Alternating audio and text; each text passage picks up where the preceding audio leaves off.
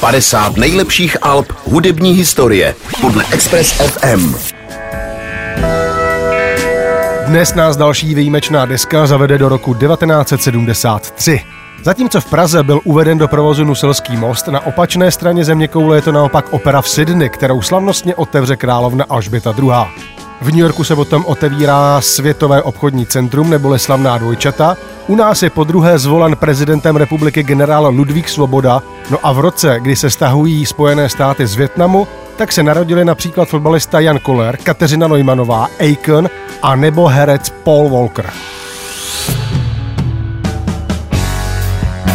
Už když někdy na přelomu let 1971 a 72 začali Pink Floyd připravovat materiál pro osmou studiovou desku, bylo patrné, že tentokrát bude něco jinak. Zatímco v minulých letech kapela tvořila často improvizací a někdy až ve studiu, tentokrát si už na přípravných pracích dala velmi záležet.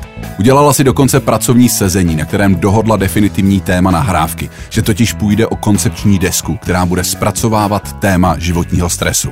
Muzikanti dali dohromady seznam klíčových slov, kolem kterých se měl daný koncept točit. Umírání, duševní kolaps, negativa hudebního průmyslu, nebo Mamon peněz a pověřili Rogera Waterse, aby je převedl do textů. Na muzice pracovala jako obvykle celá kapela, která skutečně cílevědomně a systematicky makala. Jakoby už předem věděla, že se rodí něco velkého, ale opravdu velkého. Stejně jako už dříve u Atom Heart Mother, Floydi využili zajímavý způsob, jak nový materiál prověřit. Ještě před nahráváním jej totiž začali přehrávat na koncertech. V půlce února 72 například čtyřikrát za sebou v Londýně. Už někdy v této době měla kapela pro album vymyšlený název Dark Side of the Moon. Ke smůle členů kapely ale v roce 1972 vydala nepříliš známá skupina Medicine Head desku s úplně stejným názvem.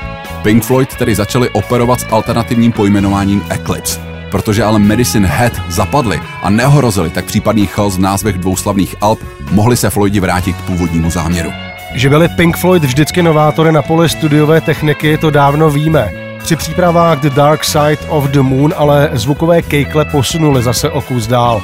Tedy o pořádný kus dál. O současných digitálních možnostech se mohlo v roce 72 muzikantům i studiovému personálu pouze zdát, a tak všechna legendární intra a předěly, které doprovázejí The Dark Side of the Moon a jsou pro album nesmírně důležité, vznikala opět víceméně na koleně. Pro kultovní úvod ke skladbě Money, kde se to ze všech stran sype a cinká penězi, se třeba provrtávali mince, navlíkali na strunu a pak se s nimi podle potřeby chrastilo. Ke slovu přišla samozřejmě také zvuková banka ve studiích Abbey Road, se kterou byli Pink Floyd vždycky velcí kamarádi a veškerá studiová technika, se kterou zúčastnění experimentovali, až stvořili něco do té doby a možná i od té doby nevýdaného. Však se jim to také do budoucna vyplatilo, a to i finančně.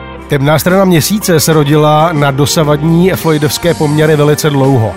Když se vezmeme, že systematické přípravy začaly ještě v roce 71, nahrávání probíhalo od května 72 do ledna 1973, jsme v časovém rozsahu více než jednoho roku.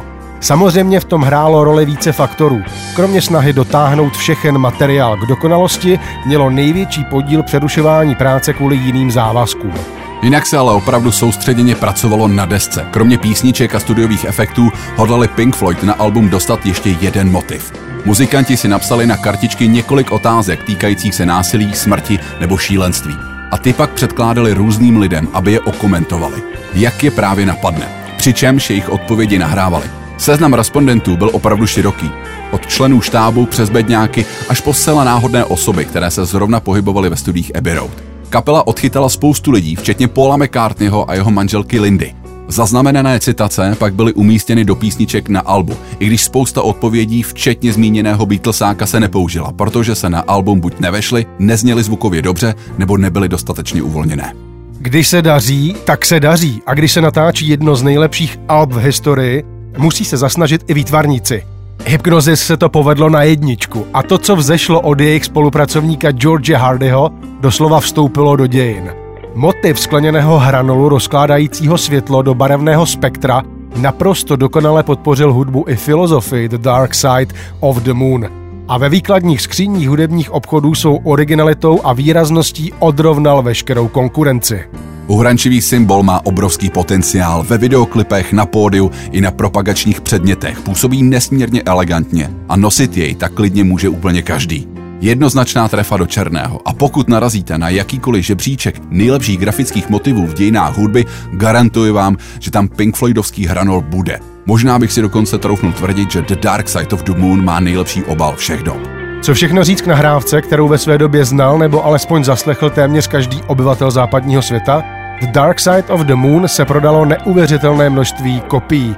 Podle doložitelných údajů zhruba 45 milionů. Takže je třetím nebo čtvrtým nejprodávanějším albem všech dob.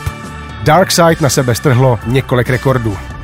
The Dark Side of the Moon je naprosto univerzální nahrávka, zároveň klubová, fajnšmekrovská i mainstreamová.